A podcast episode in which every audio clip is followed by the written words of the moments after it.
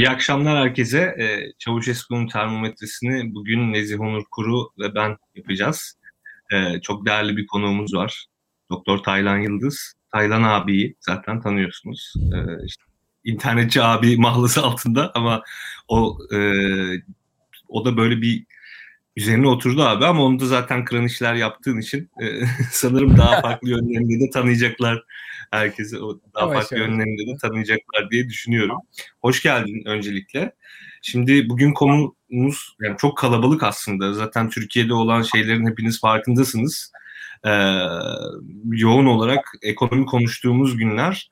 Ama belki de çok farklı şeylerden de bahsetmemiz lazım. Hala hazırda meclisten yaka paça götürülen Ömer Faruk Gergerlioğlu vakası, e, HDP'ye açılan kapatma davası, Gezi Parkı'nın bir şekilde Sultan Beyazıt Veli Han Hazretleri Vakfı'na devredilmesi ve benzeri aslında birçok konu var. İstanbul Sözleşmesi de yine canlı noktalardan biri.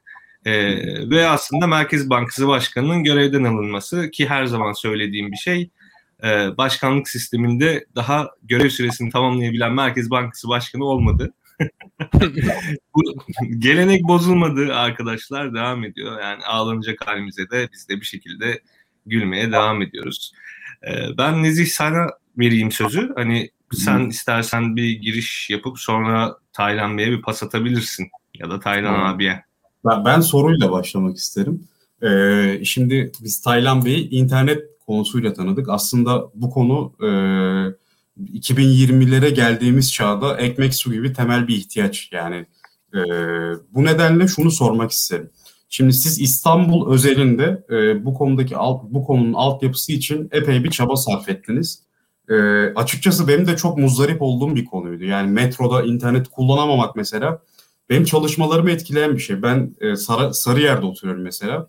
Yani tak, gün içinde epey metro kullanıyordum pandemi pandemiden önce ve e, dosyalarıma ulaşmakta bir şeyler okumakta falan zorlanıyordum. Yani bu benim gündelik hayatımdan bir e, nokta. Başkaları için de bunlar e, dile getirilebilir. Bir de pandemiyle birlikte eğitim konusunda aslında Türkiye'nin bu konuda ne kadar zayıf olduğu ortaya çıktı. Yani Türkiye'nin e, bırakın kırsal yörelerini e, Esenyurt'ta mesela şöyle elim bir hadise yaşanmıştı.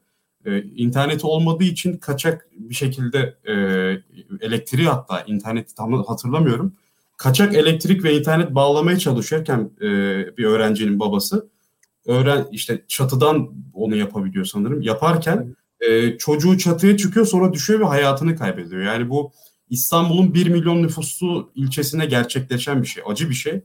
E, bu konu bence aslında çok yakıcı bir mesele. Yani e, aslında hem e, sosyoekonomik farklılıklara değiniyor. işte ekonomik geri kalmışlıkla ilintisi var dediğimiz gibi. Türkiye'de internete ulaşamayan kitlelerden bahsediyoruz.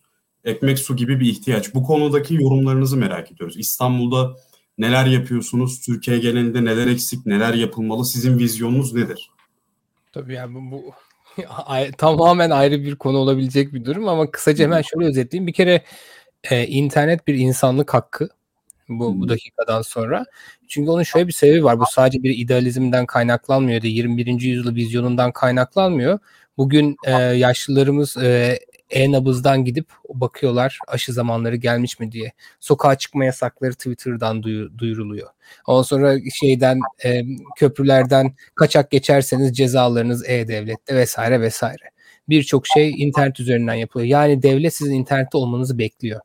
E devlet internette olmanızı bekliyorsa, bütün servislerini oradan vermeye çalışıyorsa da e, buna durumu olmayan vatandaşları da internet sağlamak zorunda. Yani öncelikle böyle bir durum tespiti yapalım. Bu bir.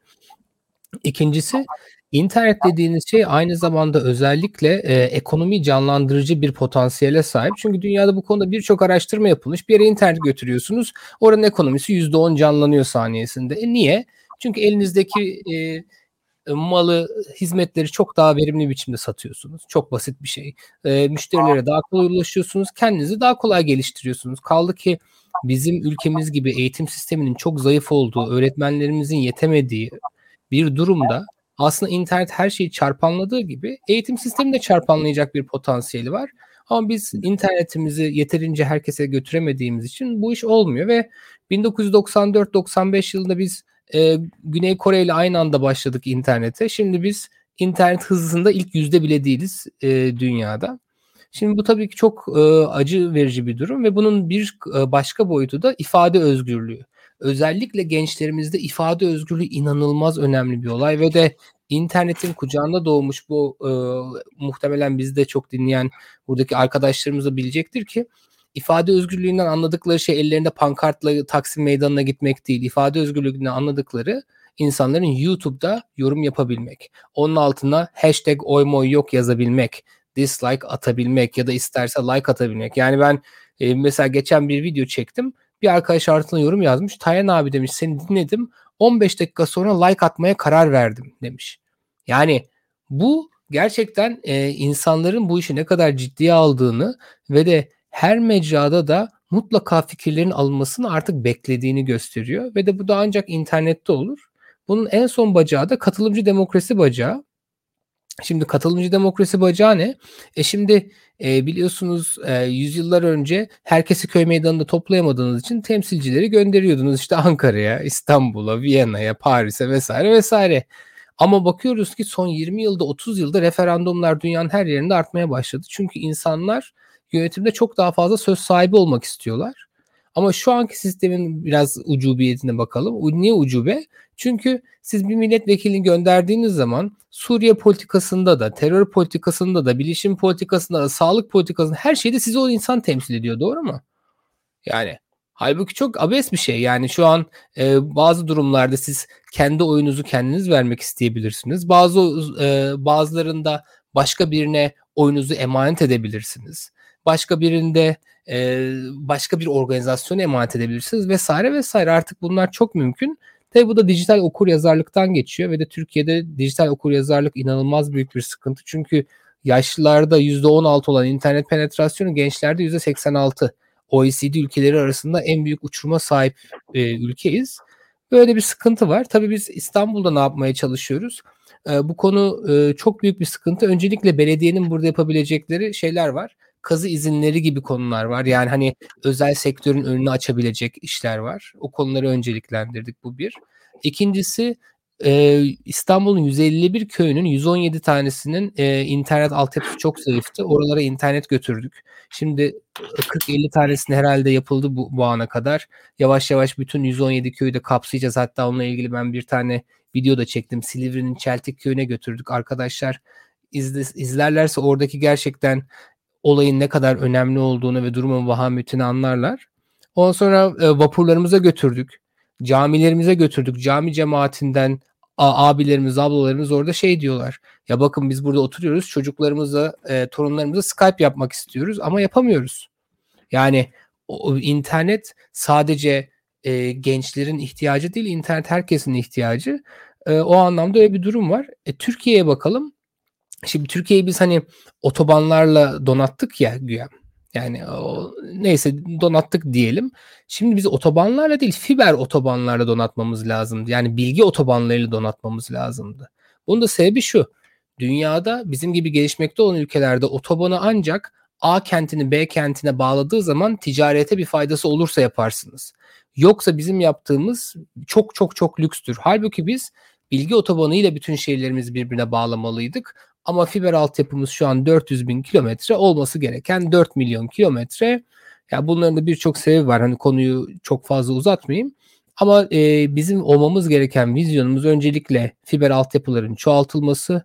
İkincisi e, 5G'ye süratle geçilmesi. Çünkü fiber altyapı olmazsa da 5G'ye geçmenizin anlamı olmuyor. 5G Ferrari sizin yollarınız çakıl taşı. E, hadi bakalım A şehrinden B şeklinde gidin çakıl taşıyla olmaz. O, o çok önemli. Üçüncüsü tabii ki uzay internet önemli. Bunun en önemli sebebi e, normalde fiberin gidemeyeceği yerlerde fırsat eşitliğini sağlamak adına ve de sonuncusu da e, evrensel hizmet fonu diye biz bir şey e, topluyoruz. O da e, fırsatı olmayan e, vatandaşlara köy köy internet gitsin diye o paranın da Abi nerede olduğu değil. Lafını kesiyorum ama yani inanılmaz yani Türkiye'de bu fonların böyle heba ediliyor olması ve tüm fonlar için bu böyle. Bu evrensel hizmet fonu da görece küçük bir fon olduğu için çok daha az kişinin dikkatini çekiyor ama benim inanılmaz üzüldüğüm bir konu. Yani sen bunu gündeme getirdiğin için ben hakikaten teşekkür ederim sana. Yani kimse gerçekten bunu önemsemiyor ama yani kendisi küçük ama o kadar etkili olarak kullanılabilecek bir fon ki bu. Yani inanılmaz verimsiz kullanılıyor. Yani şimdi biz hesap yaptık. Şu an 15-20 milyar lira civarında bir para olması gerekiyor o fonda. Şeylerle birlikte, faiziyle falan birlikte şu an 2021 parasıyla. Onun için orada ciddi bir meblağ var. Şimdi bir kere o ciddi bir meblağ nerede kullanıldı? Şu ana kadar iki tane Kars'ta bir de Erzurum'da mı iki köye bir yerlere bir şey götürmüşler. O kadar. Ya ben kendi halimle Taylan Yıldız abileri olarak gittim Düzce'nin bir köyüne internet götürdüm. Orada çocuklar bana ne dedi biliyor musunuz? Dedi ki ya Taylan abi yani sen bunu iki saatte bize yapıyor biliyorsan biz yıllardır niye bekledik burada? Devlet nerede bunu niye yapmıyor? Yani çok büyük bir garabet var. Onun için e, ben şöyle bir proje başlattım arkadaşlar. Buradan da bir daha duyurmuş olalım. İnternetsiz köy kalmasın projesi. Yakında ayrıntılarını da duyuracağız. Orada biz köy köy gidip özellikle en Türkiye'nin ücra yerlerinde çocuklarımızın her telefonun bile çekmediği yerlerde e, internet götüreceğiz oralara. Umarım hani hep beraber bunu kardeşlik, dostluk duygusuyla yapacağız demiş olayım. Bu arada sağda sorular da görüyorum. Fiber internet çok maliyetli demişler. Hayır çok maliyetli falan değil. E, Türk Telekom maalesef e, bunun önünde e, biraz engelleyici bir tutum sergiledi. Geçmiş 15 yıl boyunca. E, böyle bir durum var. E, o bir. Ondan sonra e, Starlink'le anlaşılıp yapılabilir demişler. Tabii bunların hepsi yapılabilir. Gayet de güzel olur. Yalnız şöyle bir şey var. Amerika gibi ülkelerde dünyanın birçok ülkesinde telekomünikasyonda hep %51 e, millilik istenir. Çünkü bu ulusal güvenlik sorunudur. Yani siz bütün hepsini yurt dışından bir şirketin kucağına oturursanız o zaman yarın bir gün o, o ülkeyle bir sıkıntı yaşadığınız zaman ne yapacaksınız? E bugün bakın işte e, Swift, Swift sistemiyle ticari olarak biz e, ve bütün dünyanın geri kalanı Amerika'nın kucağında oturuyor. Adam onun için size 10 milyar dolar ceza kesse gık diyemiyorsunuz. Yani bu iş böyle bir şey. Onun için e, böyle alanlarda özellikle ulaşım alanında bakın. Ulaşım alanında ve telekomünikasyon alanında e, yerli ve millilik gerçekten hani bir beka sorunu. O konularda hiçbir özen gösterilmiyor Türkiye'de maalesef. Ee, ya aslında şöyle belki hani yerli ve millilik yani orada biraz ayrışabiliriz abi. Hani yerli ve millilik e, konusunda ben biraz şöyle bakıyorum. E, bu işin ne kadar tekel olup olmadığıyla alakalı. Yani hepsi tamamen özel de olabilir ama oradaki piyasa payları biraz daha önemli. Eğer orada bir oligopol oluşuyorsa e, bu sefer hakikaten bir oyuncu baskın hale geliyorsa işte orada sıkıntı başlıyor. Yoksa e, birçok şirket aslında piyasada yer aldıktan sonra devletin sadece denetleme veya denetletme yapması yeterli bile olur. Ama bizde Türkiye'de şimdi Türk Telekom özelleştirilmesinin en büyük aslında en yanlış tarafı oydu. Tüm altyapıyla birlikte her şeyiyle e, özelleştirildiği için bir süre sonra tabii piyasaya giren yeni oyuncu aslında Türk Telekom'un mecburi müşterisi olmak zorunda kaldı. Son yıllarda işte kendi fiber, fiber optik ağını e, döşeyen şirketler aslında bunu biraz kırmaya çalışıyor ama o da çok dediğin gibi yani çok yavaş gidiyor çünkü çok büyük maliyetler içeriyor. Hele öyle köylere falan filan gitmesi yani ya çok karlı olmadığı için pek mümkün de değil. Yani zaten kaç tane müşteri olacak, çok uzun yollar, mesafeler kat edilmesi lazım vesaire. O nedenle o evrensel hizmet fonunu ben hani onu gündeme getirdiğin için sana teşekkür ettim. Gerçekten o nedenle önemli. Çünkü bu hakikaten e, yani sosyal bir hizmet yani. Neredeyse bir anayasal görev gibi önümüzde duruyor. E, Nezi var mı sorun? Senle mi devam edelim? Ee, yani ben bugün aslında e, sizin yorumlarınızı daha çok merak ediyorum. Bugün soru soran bir pozisyonda olmak istiyorum aslında. Güncel e, ekonomik çalkantılar da aslında İstanbul'dan çok ülkenin sorunlarını konuşmaya itiyor bizi. E, yani bu akşam yaşadığımız, daha doğrusu birkaç gündür yaşadığımız şey hep derler ya işte Norveç'in 10 senelik e, gündemi için yeterli olan şeyleri biz hakikaten 2-3 gün içinde yaşadık, gün içinde yaşadık. Sen zaten sabah yani dünden bu yana belki 5-6 programda konuştun. Ee, nasıl görüyorsunuz? Yani bunun adını mesela yeni bir ekonomik kriz olarak koyanlar var. İşte 22 Mart ekonomik krizi e, ifadesini kullananları ben gördüm. E, zaten ekonomik krizde olduğumuzu ben düşündüğüm için ekstra bir tarif etmeye gerek görmedim açıkçası ama e, farklı bir aşamaya mı geçtik? E, yani mesela bugün dolar pardon e, borsa %10 değer kaybetti. Değil mi? Ben e, takip edemedim ama öyle bir ya normalde bu kadar düşüş olmuyordu ve e, benim e, anladığım kadarıyla bu düşüş sürecek. Yani yarın da %10 düşüş bekliyorlar. Yani biraz ben Bloomberg falan izlemeye çalıştım. E, artık ülke gündemini takip etmekten de gına geliyor bir noktada. Ben tezimi yazmaya çalışıyorum bir yandan ama e, gerçekten zor bir durum, acı bir durum. Yani çünkü borsa sonuçta e, reel sektörün işlem gördüğü bir mecra. Yatırımcılar var orada, üreticiler var. Yani onların emekleri var. Onların emeklerinin siyasal e, çalkantılarla heba edilmesi çok üzücü yani insanlar e, sonuçta yılların birikimini ortaya koyuyorlar burada. E, zaten yabancı yatırımcıların da çıkış yaptığı konuşuluyor. Sizin öngörünüz nedir? Yani e, Taylan Bey'le başlayalım sonra Enes de toparlar zaten illaki ekledikleri olacaktır. Ben öngörünüzü merak ediyorum. Öyle bir giriş yapalım. Valla öngörüm, e, öngörüm gitgide daha kötü olacak bu iş.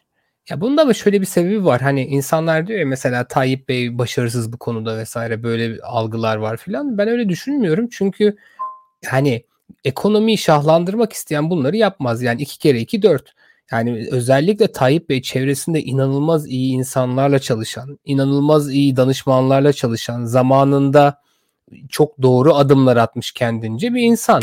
Şimdi yani e, faizin enflasyonu arttırmadığı belli. Yani bunu, bunu anlamak için dahi olmaya gerek yok. Yani ekonomi 101 açıyorsunuz zaten saniyesinde o çıkıyor karşınıza makroekonomide. Gidip de hani buna inanacağını ben düşünmüyorum. Burada bence başka bir şey var. Başka bir ajanda var. O, o ajanda da ülkeyi yavaş yavaş yavaş fakirleştirmek.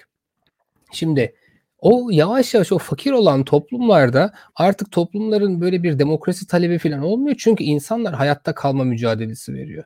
Ve o hayatta kalma mücadelesini sosyal yardımlarla belki enflasyon fazla olacak ve de para politikaları geniş olacak şekilde bunu idame ettirip tabii ki bu arada da demokrasi iyice bir dar boğaza sokup ondan sonra e, seçimler üzerinde de türlü değişiklikler yapıp iktidarını idame ettirme kültürü diye düşünüyorum ben bunu. Eğer benim bu dediğim doğruysa da kendisi gayet başarılı devam ediyor. Yani çünkü 2013'ten beri gördüğünüz gibi devamlı azalan bir gayri safi milli hasıla var kişi başına düşen ve de e, ülkenin en değerli beyinleri yurt dışına kaçıyor ve kendisinde zaten böyle, bu konuda bir sıkıntısı yok. Ve de gördüğünüz gibi de ya, bu sisteme göre devam ediyor diyeyim. O, o anlamda ben çok büyük bir sıkıntı görmüyorum kendi açısından. Bizim açımızdan tabii ki çok büyük sıkıntı var. Ona birazdan geliriz. Kesinlikle. Aslında, aslında yorumunuz çok e, farklı bir yorum açıkçası. Ben Enes'in sizin yorumunuz üzerine yorumunu merak ediyorum.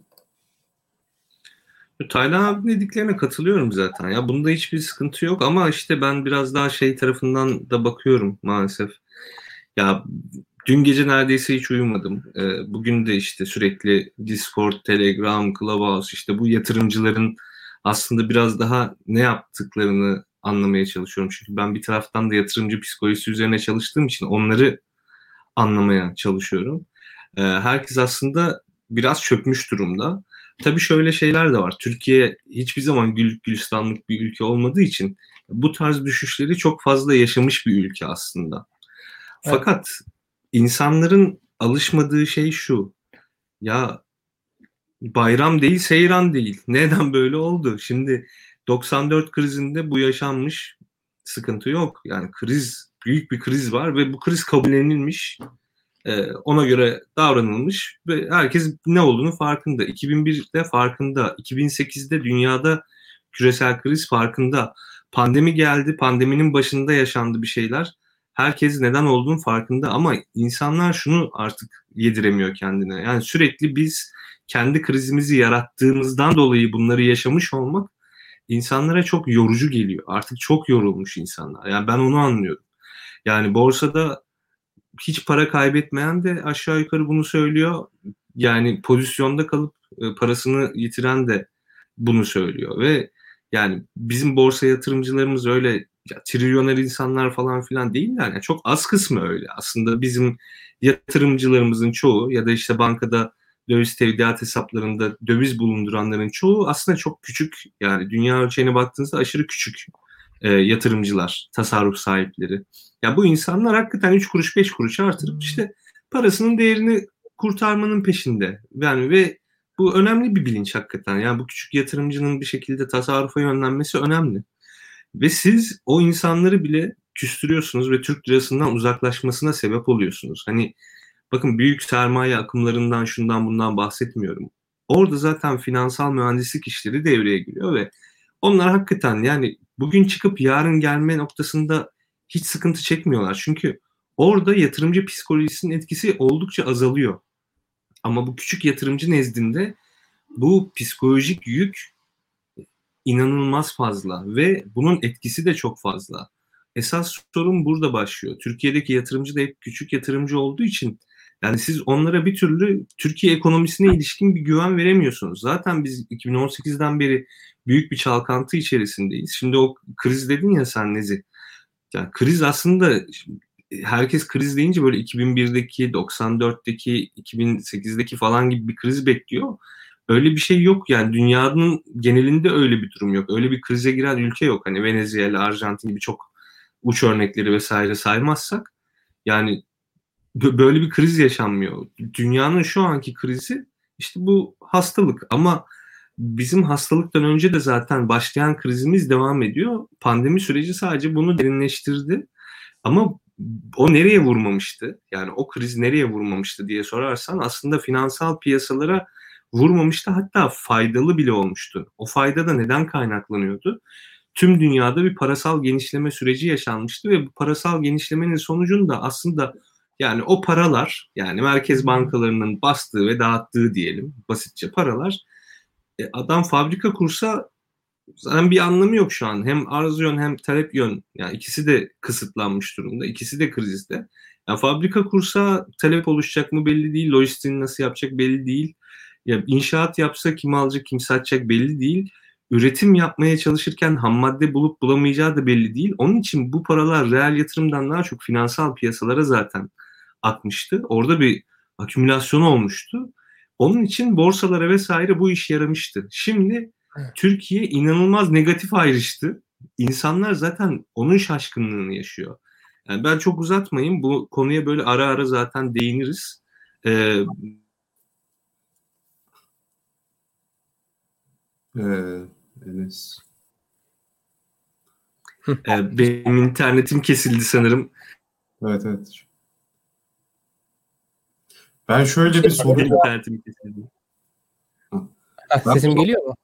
Evet evet şu an geliyor. Hı, tamam.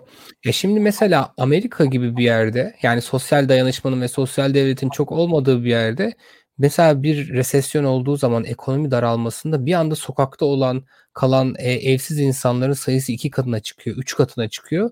Bir anda toplum gerçekten anlıyor bunu, inanılmaz hissediyor ama bizim gibi sosyal dokusu ve yardımlaşma bilinci çok olan toplumlarda biz bunu reel olarak çevremizde, sokaklarda hissetmiyoruz.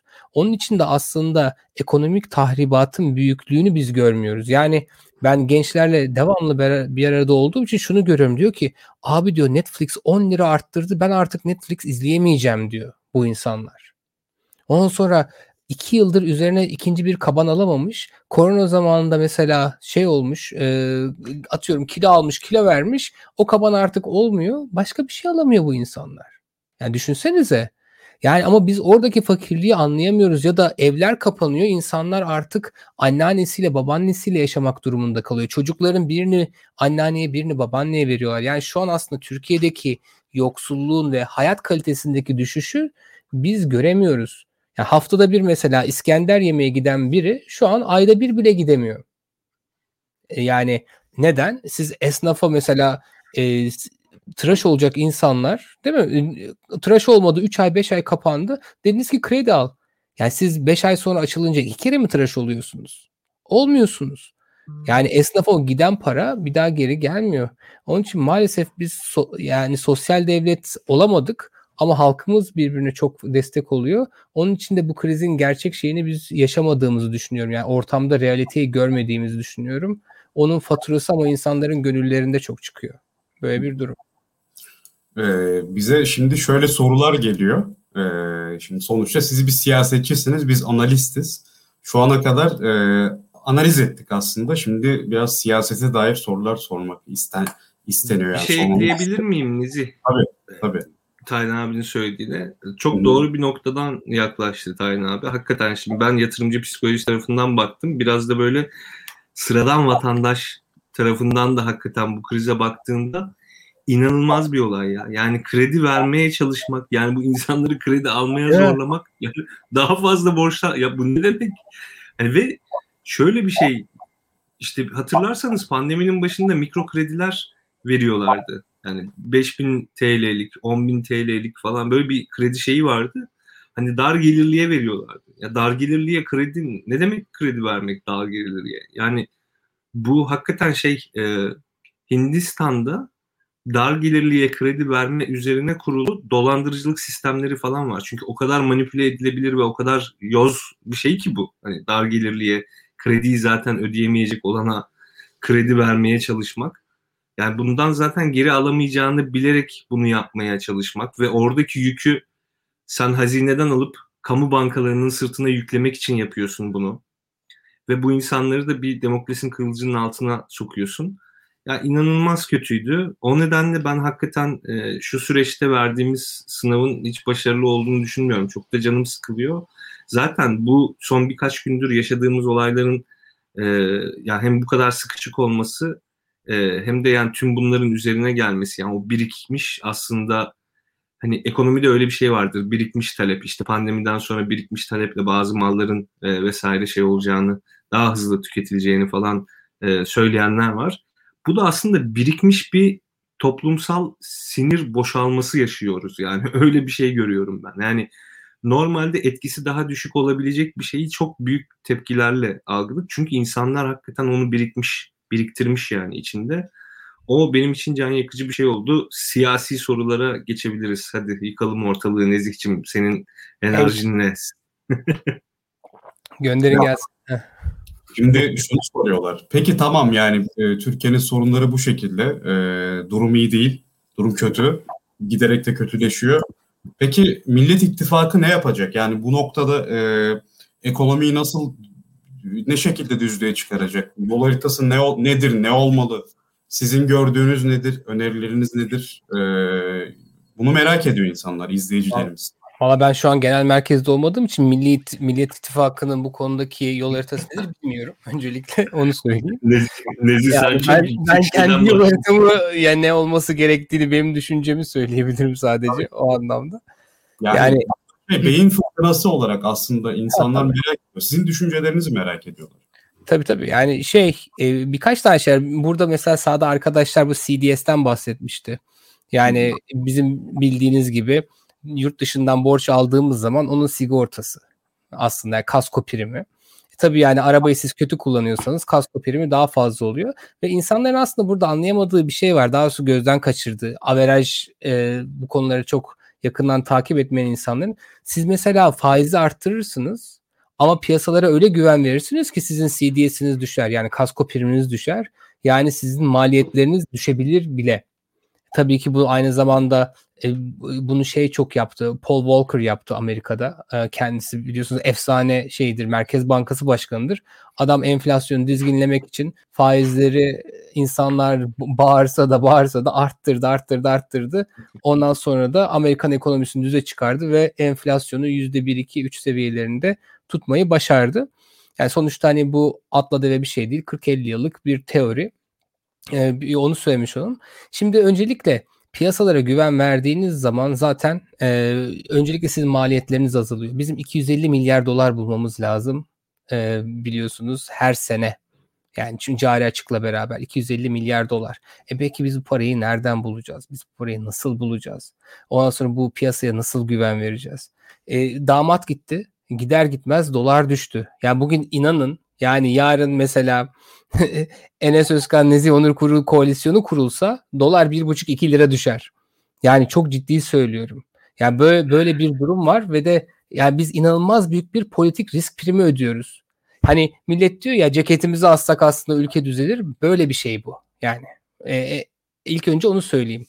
İkincisi bizim üç tane ana taşıyıcı aslında Türkiye'de yapmamız gereken şey var. Tarım, teknoloji, turizm. Çok basit. Yani bunun en kolayı da turizm. Neden turizm? Siz ülke imajınızı arttırdığınız zaman zaten turizm dediğiniz şey manzarayı kiralama sanatı. Değil mi? Yani sizin bir manzaranız var millete kiralıyorsunuz. İki döndürüyorsunuz adamı verin diyorsunuz 300 euro. Manzaranızı kiraladınız. Çok güzel. E şimdi onu çok daha sistematik ve çok daha güzel bir biçimde yapmak gerekiyor ki bizim oradan çok daha büyük dünyada pay alalım. Bunu yapmak gerekiyor.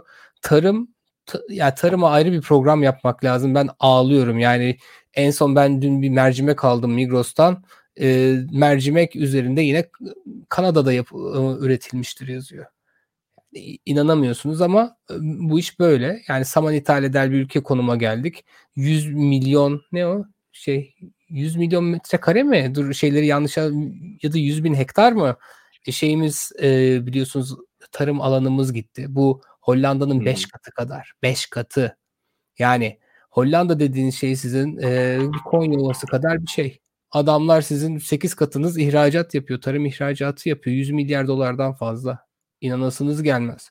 Yani sonuçta bunları yapmak gerekiyor ve bunları akıllı tarım teknikleriyle yapmak gerekiyor. Bu ikincisi hemen hızlıcana yapılacak şeylerden bahsediyorum.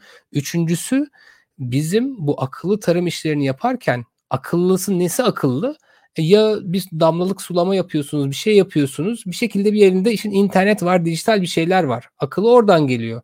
E kim bunları yapacak? Ara eleman lazım. O ara elemanları yetiştirmeniz gerekiyor hızlıcana. Onları da aslında AR, VR teknolojileri var ya. Kaynak yapmayı bile artık Çinliler adamlar uzaktan adama gözlük taktırıyorlar endüstri meslek lisesinde. Hoca oraya gitmiyor bile. Uzaktan öğretiyorlar.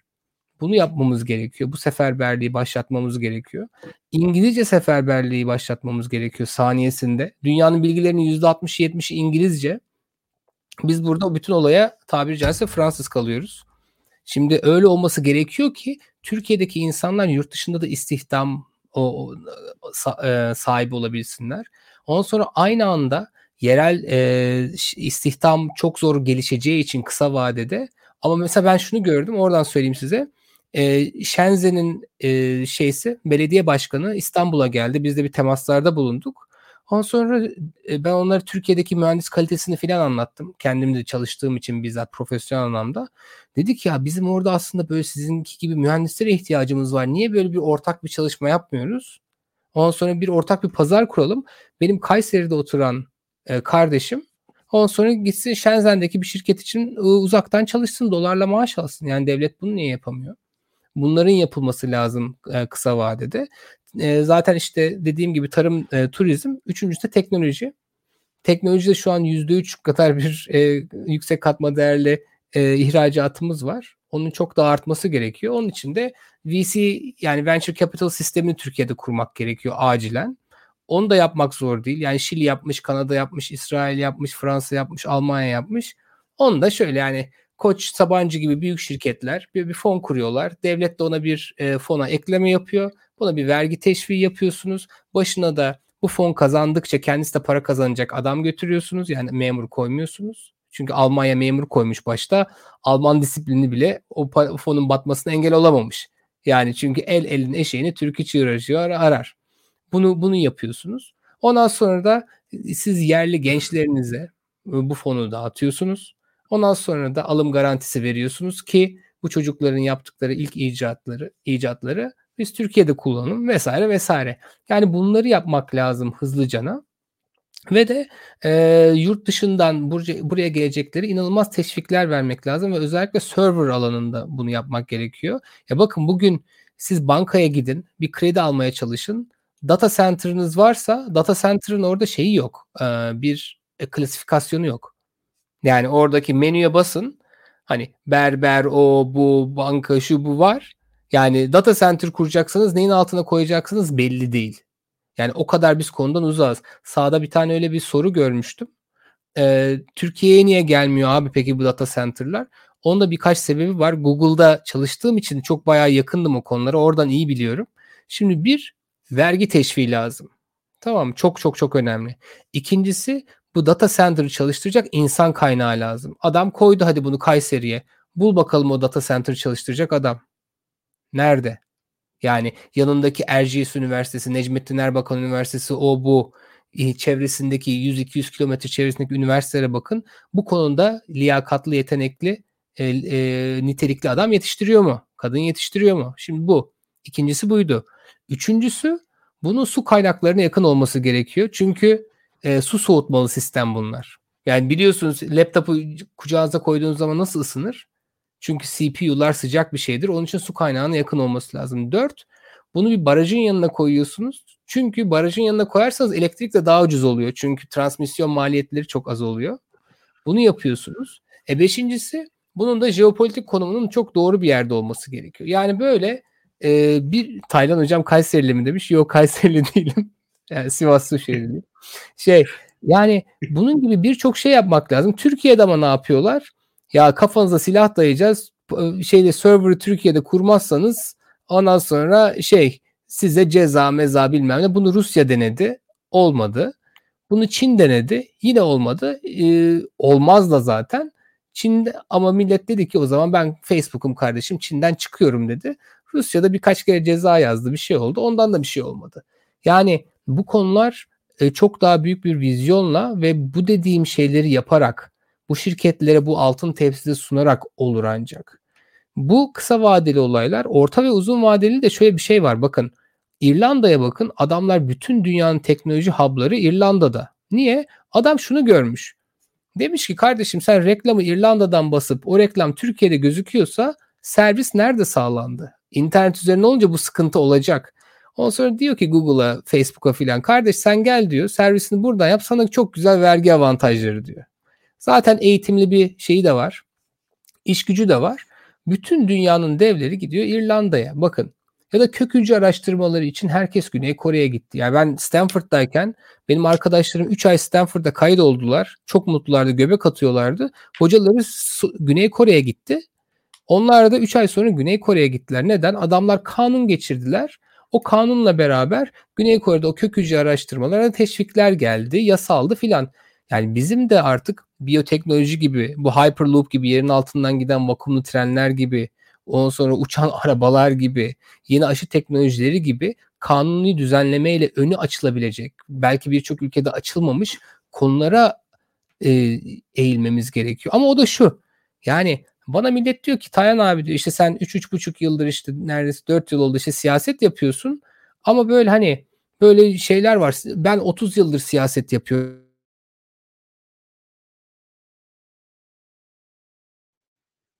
ilçe kurmuş bir durum değil. Yani artık siyasi liyakat o da var ama bambaşka bir alanı da var. O bambaşka alanda dünyanın nereye gittiğini görebilmek ve o dünyanın gittiği yere Türkiye'yi ulaştırabilmek. Budur. Ve de o, o siyasi liyakat dünyada birçok Türk'te var arkadaşlar. Türkiye'de de yaşayan, yurt dışında da yaşayan. Sadece o insanlar siyasete giremiyorlar maalesef diye böyle bir kısa bir cevap olsun.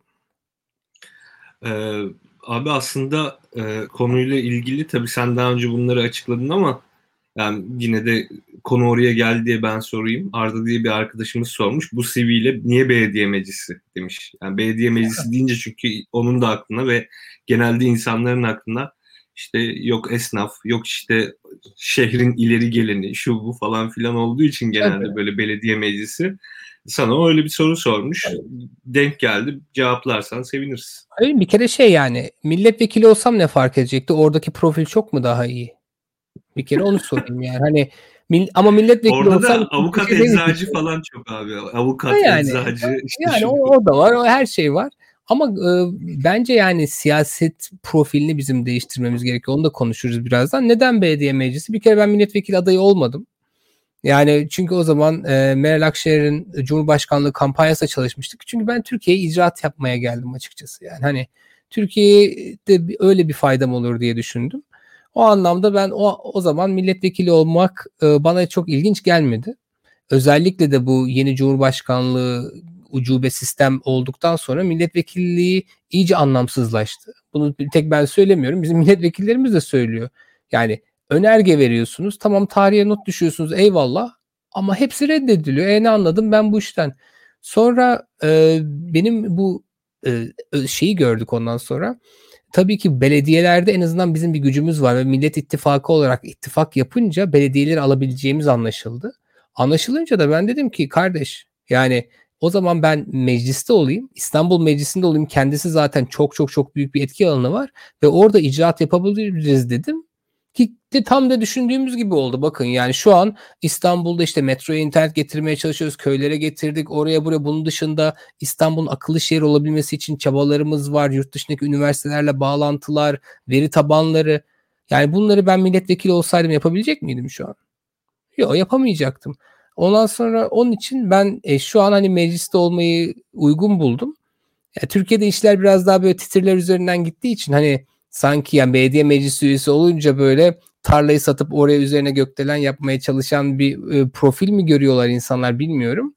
Ama ben yani gerekirse muhtar olurum. Yani hiç fark etmez benim için. Biz sonuçta bir şekilde hizmet etmeye geldik ya.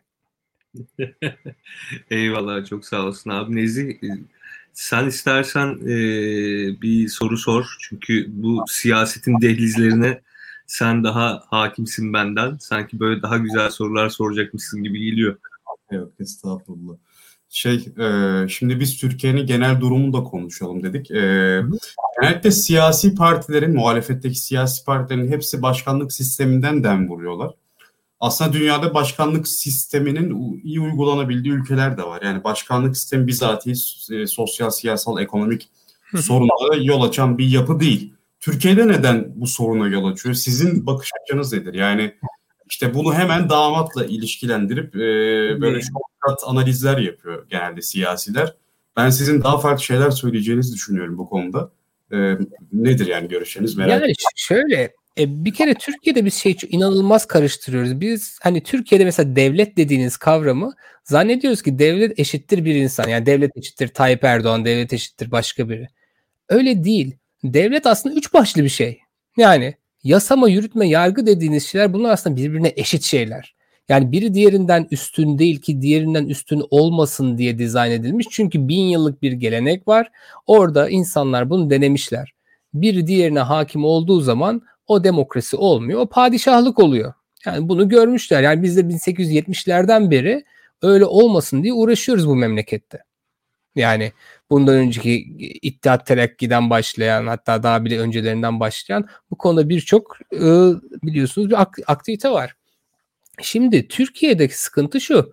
Türkiye'de insanlar zannediyor ki hani Cumhurbaşkanı eşittir devlet ve her şey onun altında ve onun kontrolünde olmalı. Halbuki öyle değil.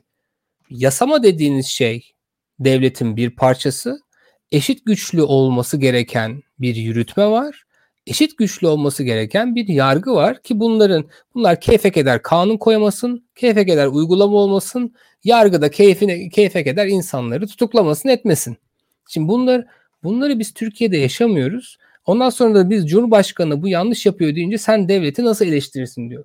Kardeş ben devleti eleştirmiyorum. Devletin sadece bir organını eleştiriyorum. Ve onu benim değil aslında yasamanın ve yargının eleştiriyor olması gerekiyor. Ama e, denge denetleme sistemi Türkiye'de olmadığı için bu iş işlemiyor. E, yurt dışındaki başkanlık sistemine bakın. Şimdi e, ben Amerika'yı çok yakından biliyorum. Orada uzun süreler yaşadığım için ve politikayla ilgim olduğu için. Şimdi bakın bir Amerikan başkanı size sorayım bakalım bilecek misiniz? İkinize de soru.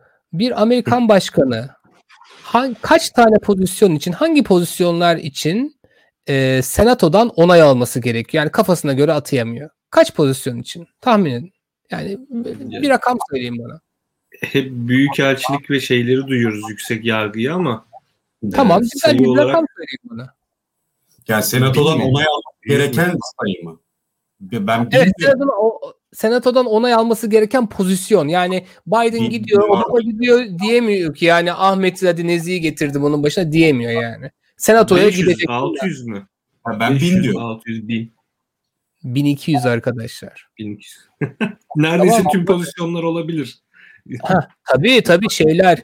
Bütün şeyler, bütün bakanlar, bakın bütün bakanlar, bütün bakanların yardımcıları, bütün üst düzey yargıçlar, ondan sonra bütün dedikleriniz gibi büyük elçiler, bütün istihbarat ajanslarının şeylerinin e, FBI'dir, CIA'dir işte National Security Agency gibi NSA gibi kurumların başları sadece o da değil çevredir aklınıza ne gelirse yani düşünebiliyor musunuz siz öyle bir durum olsa Nasıl yarın Tayyip Erdoğan gidip de kafasına göre al ben bu adamı ba- bakan yaptım diyor. Bakın ya bizim Tarım Bakanı'nın şu an nasıl bir liyakati var e, Tarım Bakanı olmaya?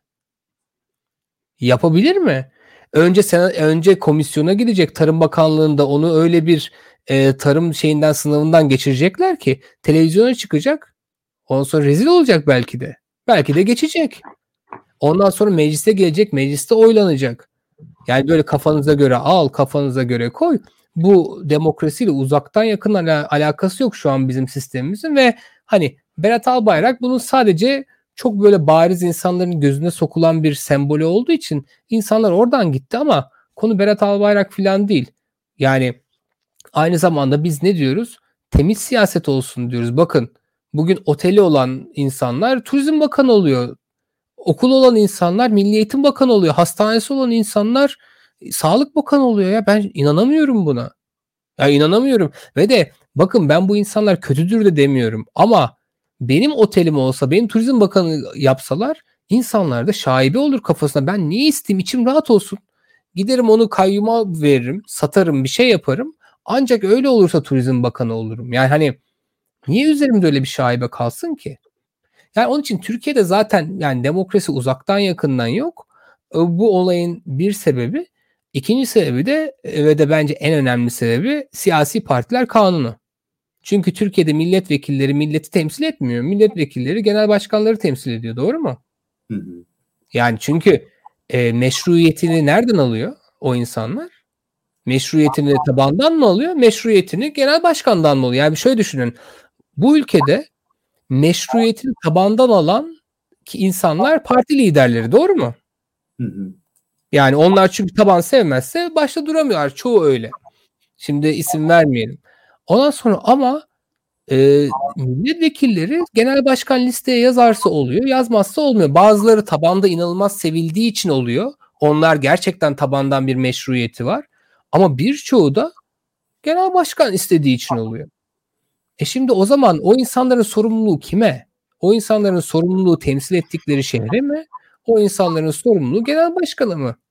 E o zaman bence biz milletvekili demeyelim yani. O zaman onlara diyelim ki genel başkan vekili diyelim. Başka bir şey diyelim.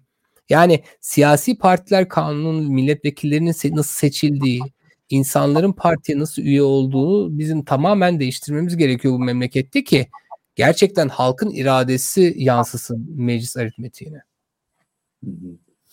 Ee, şunu da merak ediyorum açıkçası. Şimdi İyi Parti e, Millet İttifakı'nın ana unsuru CHP ile birlikte. Siz İBB meclisinde de bunu gösteriyorsunuz. Yani İyi Parti e, üyeleriyle CHP üyeleri gerçekten bir birlik içinde hareket ediyorlar ve icraat uygulamak için elinden gereken her şeyi yapıyorlar. Ben takip ediyorum yakından. Ee, şimdi ulusal siyasette ise İyi Parti ve HDP arasındaki bir e, gerginlikten söz ediliyor. E, muhalefet blokunun başarısının e, bu şekilde akim kalabileceğinden e, endişe duyuluyor demokrat çevreler arasında.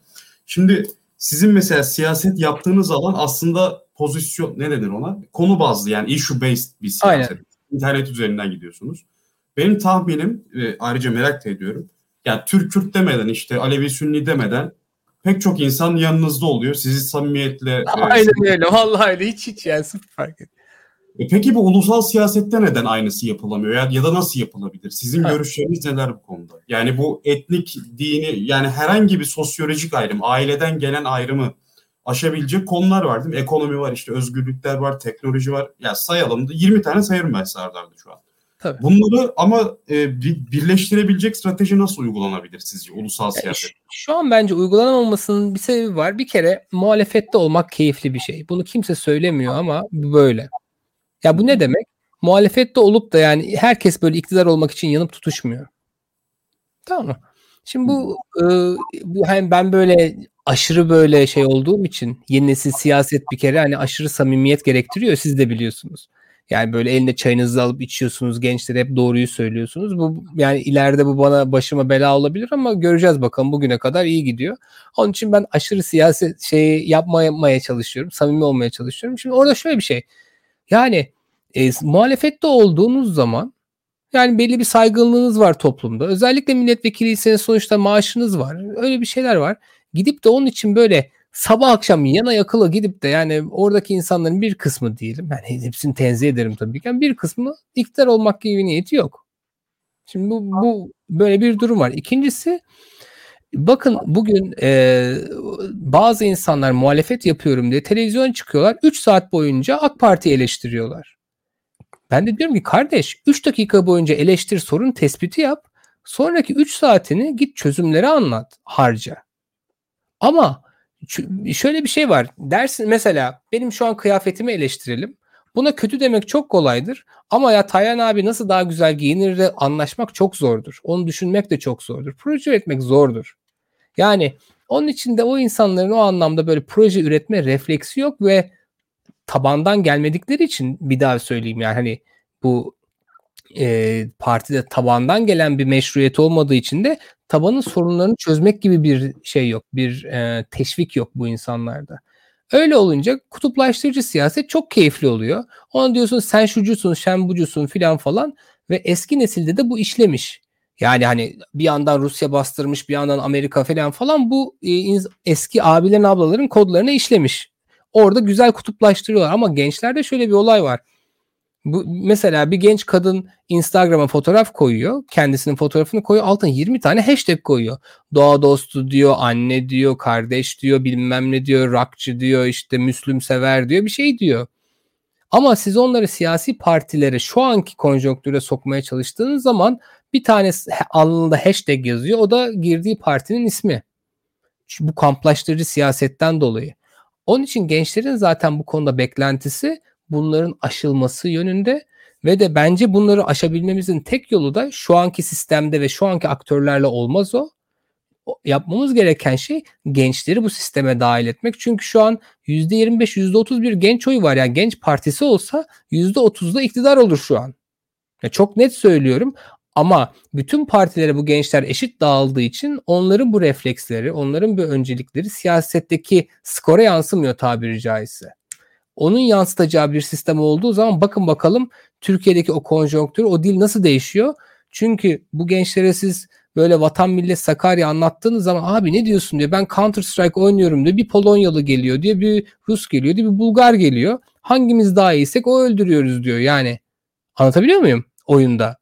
Şimdi bunlar çok daha evrensel olarak yetişen ve kendinin değerini gayet iyi bilen, ondan sonra küresel değerlere sahip ve de isterse Ayaz Ağa'nın arka mahallesinde olsun, isterse Boğaziçi'nin e, kampüsünde olsun hepsinin bir şekilde bir girişim kurmak, internet üzerinden bir şey satmak, bir katma değer yaratmak gibi hayali olan insanlardan bahsediyoruz. Yani onun için e, biraz uzun bir cevap oldu kusura bakma ama yani bu tıkanıklığı ben e, yeni nesille aşabileceğimizi düşünüyorum. Şu anki aktörlerle biraz zor.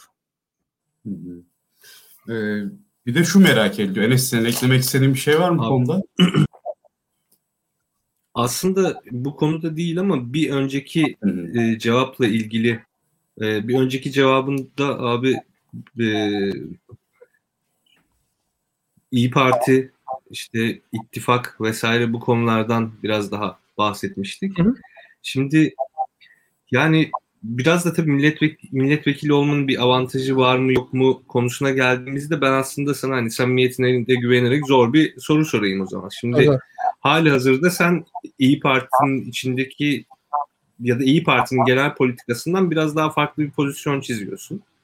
E, ve hani bir yandan da tabii bu daha anlaşılabilir bir şey. Çünkü daha yeni bir siyaset öngördüğün için ve bunu hayata geçirmeye çalıştığın için yapıyorsun. Fakat bunu nasıl dinamizme çevirmek e, yani çevireceksin? Yani bunun için elinde araçlar var mı ya da o araçları yaratmaya çalışıyor musun? Çünkü haliyle sen siyasetçisin, siyaset yapıyorsun, bir sivil toplum e, girişimi içinde değilsin, siyasi bir girişim içerisindesin. Yani belki şöyle bu yani şu vereceğin cevap büyük ihtimal gençler için de şey olacak aslında Ha, bu arada biz de genciz yani Nezih ve ben de yani o kadar yaşlı insanlar değiliz. Hepimiz için aslında bir umut olacak. Çünkü dediğin gibi gençler siyasete hiçbir şekilde giremiyor. O nedenle de e, hiçbirinin e, geleceğe ilişkin siyasi tasavvuru yok. E, herkes o alandan kaçınmaya çalışıyor. O alan böyle elini kirletenlerin alanı falan filan gibi böyle kalmış durumda. Belki senin söyleyeceğin şeyler böyle hepimiz için bir umut ışığı ve bir plan olacak.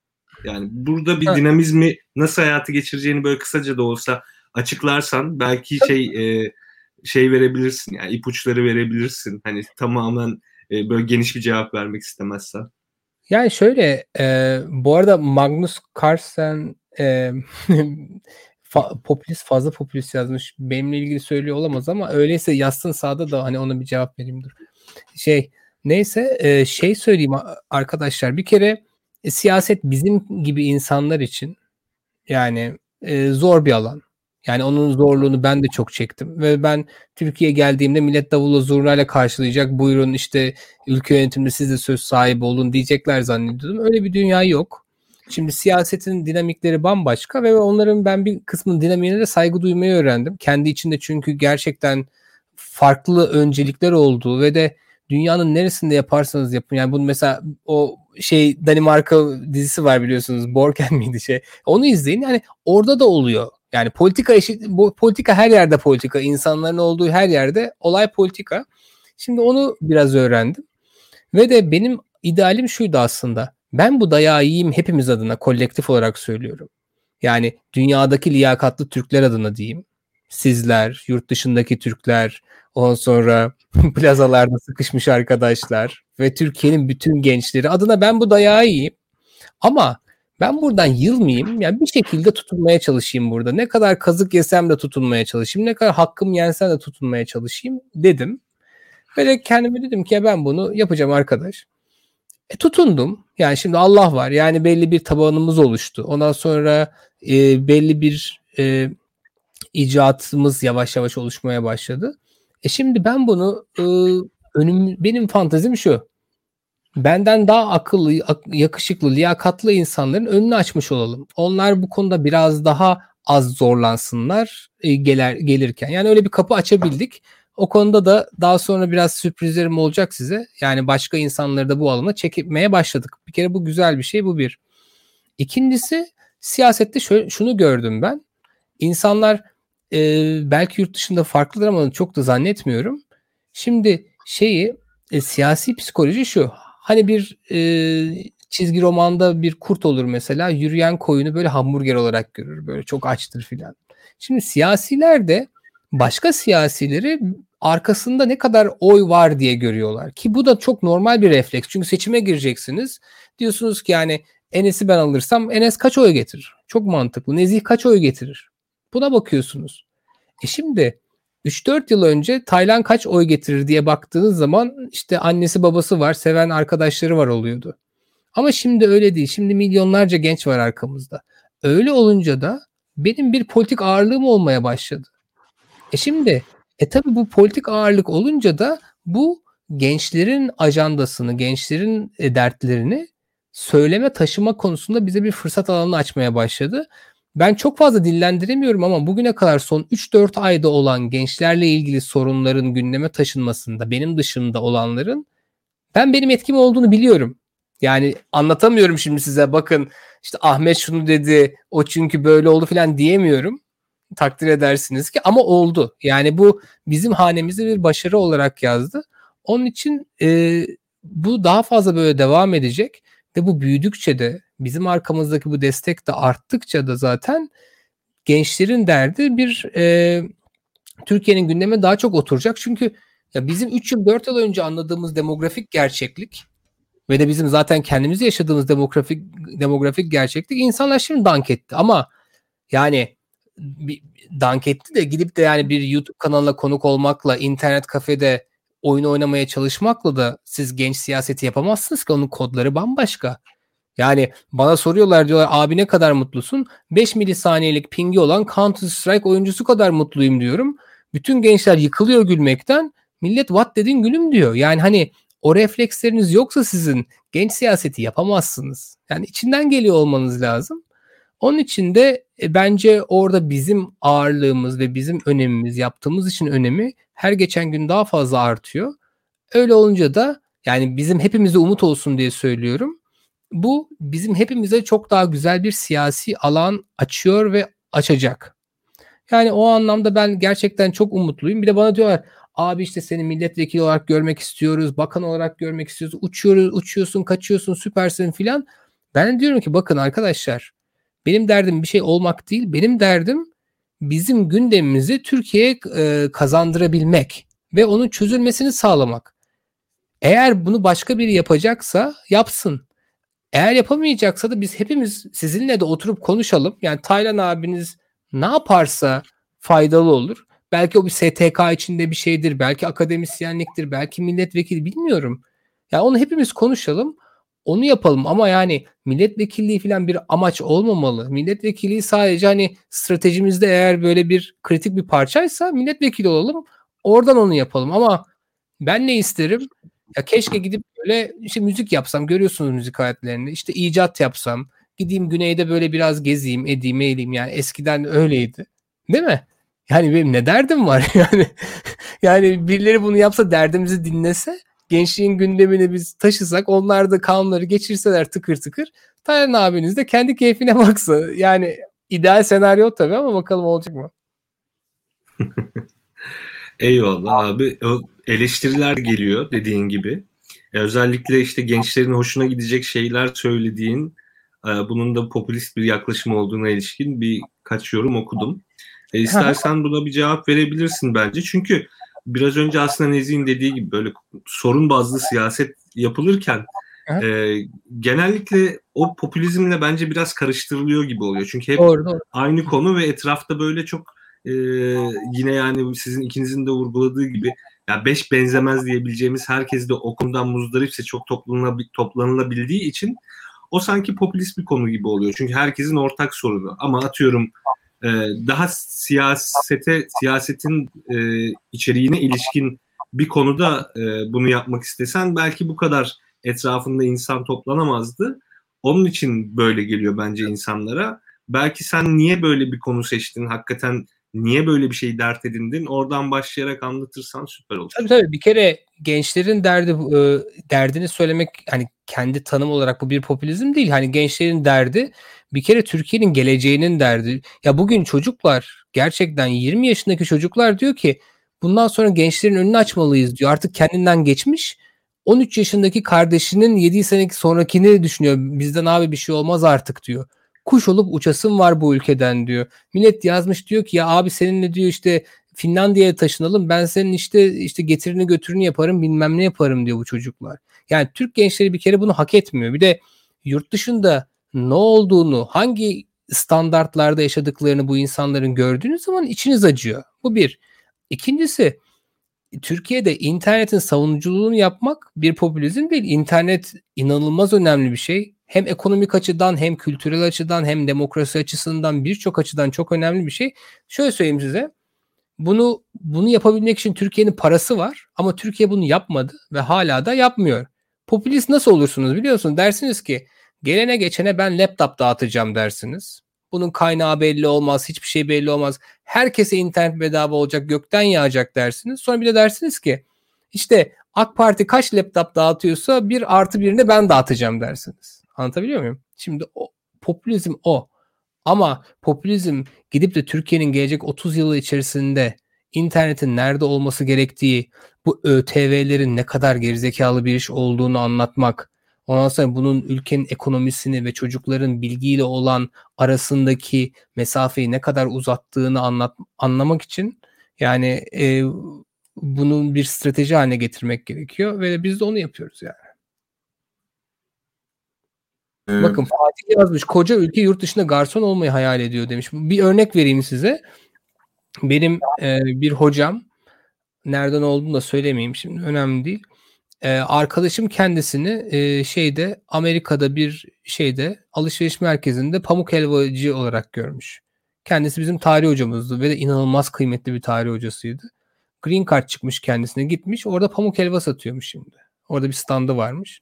Hmm. Yani, yani biz bunu hak ediyor muyuz? Yani hani yurt dışına gitmek isteyen herkes gitsin. Ben de gittim. Ama yurt dışına kaçmak ayrı bir şey. O mültecilik. Biz mülteciliği hak etmiyoruz. Biz kefek eder gidelim. Canımız isterse dönelim, istemezse dönmeyelim. Böyle iş mi olur? Yani yok gerçekten. Ya ben abi bu konuda sana bir şey ekleyeyim. Ee, ben de bir sene önce yani geçen sene şey aldım. Ee, cep telefonu tamirciliği sertifikası aldım. Ya bunun da aslında en büyük sebebi şu. Şimdi sen dediğin gibi yani Türkiye'den bu kaçmak taşınmak bunu böyle sürekli arkadaşlarımızla konuştuğumuz bir şey. Yani birisi Norveç'ten Hollanda'ya taşınır. İşte Güney Kore'den Amerika'ya taşınır. İşte e, Almanya'dan Japonya'ya taşınır ama kimse Türkiye'den bir yere taşınamıyor. Türkiye'den ancak kaçılabiliyor. Tabii. Yani ve öyle bir kaçman lazım ki yani buranın gündemiyle falan hiçbir şeyle ilgilenmemen lazım ki oraya ancak adapte olabilirsin. Yoksa burada o kadar fazla insanın zihnini yoran, bulandıran şey var ki sen aslında buradan kaçsan da yani kafan bir şekilde burada kalıyor ve gittiğin yere de bir şekilde adapte olamıyorsun. Çünkü yani şu gün Türkiye bir Türkiye'li işte Norveç'e taşınsa ama Twitter açsa elinden bir saat telefonu düşüremez zaten. Net yani. Hani Türkiye gündemine bir baksa bu felaket. Yani biz işte Nezih de ben de ikimiz de doktora yapıyoruz. İşte bir şekilde kendimizi yetiştirmeye çalışıyoruz. Sadece akademide değil, iş dünyasında, işte sivil toplumda, medyada bir yerlerdeyiz. Hani sürekli şeyler yapmaya çalışıyoruz. Kendi girişimlerimiz falan filan da var. Ama ben o kadar kendimi güvende hissetmiyorum ki yani cep e, e, elim elim tuttuğu için ve sevdiğim için ya ne olur ne olmaz yarın başımıza ne geleceği belli değil. İşte o anne babamızın söylediği kolunda altın bilezik hani meslek şeyi var ya onu edinmek için gittim cep telefonu tamir etmeyi falan öğrendim yani. Yani bu bana bir yandan acı veriyor. Bir yandan da hani ya bu kadar şunu da diyorum yani kendime bir yandan üzülüyorum. Daha doğrusu kendime değil sadece benim durumda olan herkese bir yandan üzülüyorum. Ama bir yandan da diyorum ki ya yine de bu ülkede biz hani kendimizi öyle yetiştirmişiz ki hani bağımsız kalmak adına yani nelerden taviz verebileceğimizi de aslında test ediyoruz ve bu bağımsızlık, özgürlük hissini işte cep telefonu tamiri yaparak da işte pamuk helva satarak da bir şekilde sağlamaya çalışmak da bir insan açısından bence hakikaten onurlu bir şey, seviye ve mevki. Yani ama işte bir yandan da çok üzücü tabii. Bu arada e, burada Hikmet Bey bir şey demiş. E, onu okuyayım size. Taylan Bey Türkiye gerçekten çok uzak. Türkiye otoriteliğini çok arttırıyor. Seçim sistemi değişiyor. İnternet hızı arttırma vaadiyle bütün gençler oy verse ne olur? Şimdi e, ona şöyle bir cevap vereyim. Kardeş bak Deva Partisi'dir, şudur budur. Bunlar yüzde bir, iki, üç öyle sabah akşam onları konuşuyoruz biz. Doğru mu? Neden? Çünkü artık bu sistemde %1'in %0.1'in hükmü var. Benim dediğim size Türkiye'nin %30'u. Şöyle bir örnek vereyim size. 1950 yıllarında Amerika'daki çok ünlü bir reklam ajansı demiş ki bakın demiş inanılmaz güzel bir segment buldum. Bundan sonra o segmente reklam yapacağız. Satışlarımızı çok arttıracağız. Geçmiş 50 yılda da bulunmamış bir segment. Onlar da demiş hangi segment bu? Demiş kadınlar. Bakın toplumun %50'sini bunlar unutmuşlar. Neden? Kadınlara yaptıkları reklamlar hep böyle hani şu ütüyü alırsan kocanı şöyle mutlu edersin. Şu ayakkabıyı alırsan ayakta daha böyle dik durursun, daha güzel çalışırsın filan falanmış. Sonra kadınları keşfetmişler. Ben de diyorum ki arkadaşlar bakın uyanalım artık.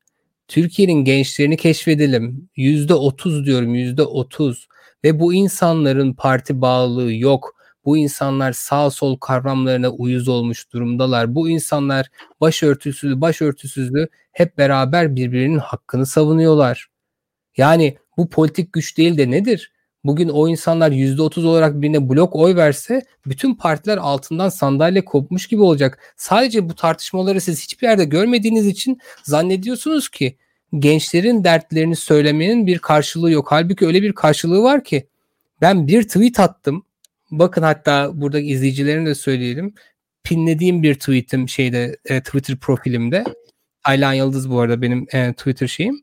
Orada dedim ki arkadaşlar siz bana çok yardım etmek istiyorsunuz gençler. Ondan sonra ben bunun artık ucunu alamıyorum. Bir form doldurdum. Hadi oradan gönüllü olmak istiyorsanız buyurun.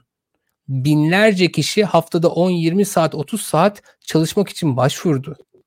Binlerce diyorum bakın yani 5 demiyorum 10 demiyorum. Hadi bugün İnsanlara sorayım 50 kişilik bir gönüllü organizasyonu kurmaya çalışın bakalım. 50 tane adam bulun. Binlerce diyorum ve bu benimle ilgili bir şey değil. Bakın ha şu tweet. Bu benimle ilgili bir şey değil. Bu gençlerin gelecekle ilgili elini taşın altına koyma enerjisinden bahsediyorum. Ve de organize olabilme yeteneğinden bahsediyorum. Eskiden siz medya patronlarına yaranmadan Türkiye'de bir siyasi kampanya yapamıyordunuz. Şimdi öyle değil ki. Bakın alttaki tweetime bakın Enes bir in aşağıya. Bak evet. 160 bin takipçim var. Biraz aşağıya inersen. Bunu retweet etmişim. Ha. Kaç like var şunda?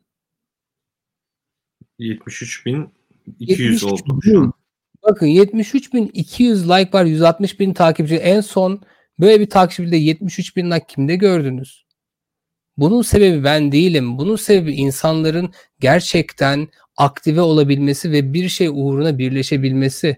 Ve de bu insanlara e, Twitch yayını yaptığımız zaman diyoruz ki bakın fiber lüks değildir diye hashtag açalım. Hadi bunu Türkiye'nin gündemine oturtalım diyorum. Milletin 100 bin liraya yaptığı böyle fake kampanyaları biz saniyesinde organik olarak yapıyoruz, organize oluyoruz. Bunu bunu görmüyor musunuz?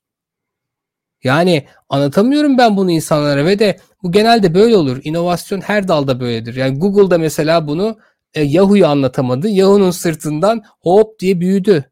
Tamam mı? Bunu Netflix Blockbuster'ı anlatamadı. Blockbuster gidip böyle e, şey VHS kasetleri kiralayan bir servisti. Netflix dedi ki kardeş bunun geleceği o değil bu. Ondan sonra inandıramadı. Bize 50 milyon dolara satın alın demişti. Şimdi trilyonluk şirket. Yani bu iş böyledir. Böyle anlatırsınız. Bütün kamusal alanlarda da anlatırsınız. Yine kimse inandıramazsınız. Sonra bir gün bakarsınız ki bayram değil, seyran değil. Enişten beni niye öptü? Bir seçim olmuş. %20 blok Allah Allah bir yere gitmiş. Hiçbir yerde çıkmıyordu dersiniz. Yani onun için bu gerçekten hani bir de bir arkadaş da demiş ki Nezih demiş biraz siyaset konuşalım. Siyaset bu. Siyaset kürekçi kavgası değil. Gençler bunu duymak istemiyor. Ne olacak? O ona bunu dedi, o ona bunu dedi, onu ziyaret etti filan falan. O onunla fotoğraf çektirdi, onun cenazesine gitti. E, e çocukların yine parası yok. Yine eğitim dandik. Değil mi? Yani bunları konuşmamız gerekiyor artık. Aslında şunu merak ediyorlar Taylan Bey orada. Ya ben de merak ediyorum. Şimdi bugün e, mesela Ayasofya zaten camiye dönüştürüldü. Yani bu bir e, dramatik değişim. Ayasofya imamı faiz hakkında konuşuyor. AK Partililerle kavga ediyorlar şu an Twitter'da. E, İBB yetkileri kısıtlanıyor. İşte Gezi Parkı vakıflara evet. devrediliyor. Sadece Gezi Parkı değil pek çok e, Vefa Lisesi'ne kadar yani. Tabii tabii. Yani siz bu engelleri nasıl aşacaksınız? Tamam ben çok iyi anlıyorum sizi. Ben de zaten Z kuşağı ve Y kuşağının siyasetteki etkisine çok her zaman vurgu yapıyorum. Seçmenin %51'i Y ve Z kuşağına ait olacak 2023'te. 7 milyon yeni seçmen gelecek. 13 milyon Z kuşağında olacak ve şu an Z kuşağında AK Parti birinci olmakta zorlanıyor. Yani bu Hı. çok önemli bir değişim. Ee, orada muhalefet belki 15-20 puan farklı önde. Yani en son ben anket e, inceleyemedim bu konuda da. Yani farklı araştırmalar, raporda gördüğüm bu. Bu trendi bulmuşken değerlendirmek lazım. Siz en iyisini yapıyorsunuz zaten. Bu yüzden biz size iyi gösteriyoruz. Bu yüzden e, siz de ilgi görüyorsunuz yani. Ama bu engelleri aşma konusunda ne yapacaksınız? Bu strateji nedir? Çünkü Türkiye hakikaten artık otoriterlikte e, yani Polonya, Macaristan'la filan kıyaslanamaz bir durumda. Artık biz Rusya, Türkmenistan, Azerbaycan seviyelerine geldik. Hatta şu an maalesef Venezuela Venezuela'laşmaya başladık. Yani çok üzücü bir durum bu. Nasıl görüyorsunuz? Bu engellerden çıkış stratejisi nedir? Şöyle bir kere şu an yargı bağımsızlığı Türkiye'de yok. Yok. Öyle olduğu için de yani gidip de bunu hakkınızı mahkemede aradığınız zaman bunun bir sonucu yok. Yani o anlamda ben herkese bir kötü haber vereyim. Yani istediklerini istediği yere geçiriyorlar. istedikleri kanunu geçiriyorlar. Yani ona karşısında duracak da bir güç yok şu an Türkiye'de. O ben de değilim. E, siz de değilsiniz. Millet İttifakı da değil. Bu, bu o değil. Bizim yapmamız gereken şey bu yapılanların insanların hayatını nasıl etkilediğini aktivist bir politikayla insanlara anlatmak ki aynen İstanbul seçiminde yaptığımız gibi insanları sandıkta doğru tercihe yönlendirebilelim. Tabii ki bu aktivist şey e, siyasetten kastım Twitter falan değil. Yani tweet atmak çok kolay. Değil mi? Bizim çok daha sahada olmamız gerekiyor. İnsanlara bunu yüz yüze anlatmamız gerekiyor. Yani mesela bir metroda internet konusu var biliyorsunuz. Adamlar aylardır bunu geçirmiyorlar. Bakın her geçirmediğimiz gün İstanbulluların yüzlerce yıllık saat internet kullanma şeyini onların elinden çalıyoruz. Çünkü iki buçuk milyon insan günde bir buçuk saat ortalama metroyu kullanıyor ve internetsiz kalıyor. Orada hem bir ulusal güvenlik sıkıntısı var, afet güvenliği, insanların hayat kalitesi çok kötü oluyor vesaire vesaire o konuya çok fazla girmeyelim. Ama bunu bir politik maliyete dönüştürebilirsek ancak o zaman bir baskı unsuru haline dönüştürürüz. Çünkü bizim arkamızda mahkemeler yok. Yani anayasal suç işliyorlar, tık yok ortalıkta. Yani onun için ne yapacaksınız? Yapacağımız tek şey bir dahaki seçime kadar bunları çok organize bir biçimde yapıp insanlara bunu anlatıp dijital anlamda özellikle inanılmaz güzel bir örgütleme modeli sağlayıp oradan devam etmek. Yani bu biz bugünlere bir günde gelmedik, bir günde de çıkmayacağız. Ama internet her şeyi çarpanladığı gibi de örgütlenme modelini ve bilgiyi de çarpanlıyor. O anlamda da şansımız var. Onu da söylemiş olayım. Ee, ben bir soru daha eklemek istiyorum. Enes'in mutlaka eklemek istedikleri şeyler vardır ama çok ilginçli diye. Bugün e, bizim yazarlarımızdan Yunus Emre Erdölen paylaştı. Macaristan'da da benzer durum söz konusu. Onlar da bizim ihraç ettiğimiz demokrasi modeliyle Budapeşte'de seçim kazandılar. Ve muhalefet e, reklam panolarını iktidarın kendileri nasıl engellediğini her bir adımda anlatmak için etkin bir şekilde kullanıyor. İBB'de bu tarz e, yaratıcı çözümler gelebilir mi? Siz tabii doğrudan e, yani yürütmenin içinde değilsiniz, meclistesiniz. E, ama neticede CHP ve İyi Parti beraber e, şeyler planlıyordur belki diye e, soruyorum. Yani e, özellikle şu metroda internet için aslında sahada yapabileceğimiz birkaç iş var. Hatta yani şu an ayrıntılarını söyleyemiyorum size. Yani bu hafta konuşacağız. Ama olursa aynen e, ben dediğinize çok katılıyorum ve bence de olması gereken bu. Yani tam sağ pres yapmak gerekiyor, gerekiyor bu konularda ki siyasi ağırlık bir şekilde bu bizim e, icra makamında da önümüzü açsın. Çünkü dediğim gibi yani mahkemeler bizi korumuyor. Korusa zaten bu konularda hiçbir sıkıntı bile çekmeyiz. Çünkü mahkemeden döner ya da mahkeme bozar. Bunu orada çözersiniz. Biz ama bütün işlerimizi maalesef bu anlamda siyasi alanda sahada seçmenlerin önünde çözmemiz gerekiyor. Enes senin eklemek istediklerin var mı? Sonra da yayını kapatalım. Yok. evet aslında e, yani bu ekonomik sorunlardan belki biraz daha fazla bahsedebilirdik ama bence yeterli yani bu vakit daha fazla uzatmaya gerek yok. Ya zaten Taylan abi biz yine ağırlarız. Burada olmasından da çok memnunuz. Çok sağ ol abi geldiğin için tekrardan. Senin son bir sözün varsa senin son sözünü alalım. Sonra yavaş yavaş kapatalım istersen. Ee, ben de çok keyif aldım. Ee, ben de tekrar e, sizin katılmanızı isterim yani canı gönülden. Hatta soru cevap şekli program bile düşünülebilir yani etkileşiminiz ilginç ol. Normalde konuklarımız pek yorumlara bakmıyorlar da sizin yorumlar bakışınız ve... Ben Türk olduğum için yayıncı, çok böyle şeyim. çok yerindeydi. Ee, bu arada bu program Twitch'te de yayınlanıyor yani aynı zamanda. Hem Twitch'te hem YouTube'da hem Periscope'da hem de Facebook'ta yayınlanıyor. Tabii Facebook'ta kimse izlemiyor bu arada da. Twitch'te yine de izleyen oluyor. Yani Twitch'ten bizi izleyenler varsa yorum olarak kendilerini bir belli ederlerse seviniriz. Ta- Taylan abinin esas mekan orası çünkü. Tabii canım. E, e, Twitch'teki dünyadaki ilk siyasicim galiba. Şu an dünyada hani Twitch'te şey tagi yok yani hani politika konuşuyorum diye bir etiket bile yok yani hani hala just chatting üzerinden devam ediyoruz. Twitch'te partner olduğum için konuştuk oradan arkadaşlarla daha da büyütebilirsek muhtemelen bir şey olacak. Sağ olsun Mansur Başkan da geldi biliyorsunuz. Şey o da konuk oldu e, Pelin'e. Mesela bence çok güzel bir jestti. Yani gençleri anladığını, onların olduğu yerde olmak gerektiğini söylemek adına bence çok güzel bir jestti. Yani bunların devam etmesi gerektiğini düşünüyorum. Ee, tekrar teşekkür ederiz. Ee, bence ekonomi konusunda da aslında özetlediniz yani genel olarak. Zaten bugün çok konuşuldu. Ee, ekonomi konusunda detayları merak ediyorsunuz. Enes e, Nevşin Mengü çıktı. E, Çağlar Cilara'ya çıktı. Halk ekranda. Aa, evet. dün dün 3 dün 2.30'da 4 yayın yaptılar e, Özge Öner'le. Yani bunları izleyebilirsiniz. Evet. Taylan Bey'in bence tweet'i zaten olayı anlatıyor da. O Bence gitmesine gerek yok yani aslında normalde.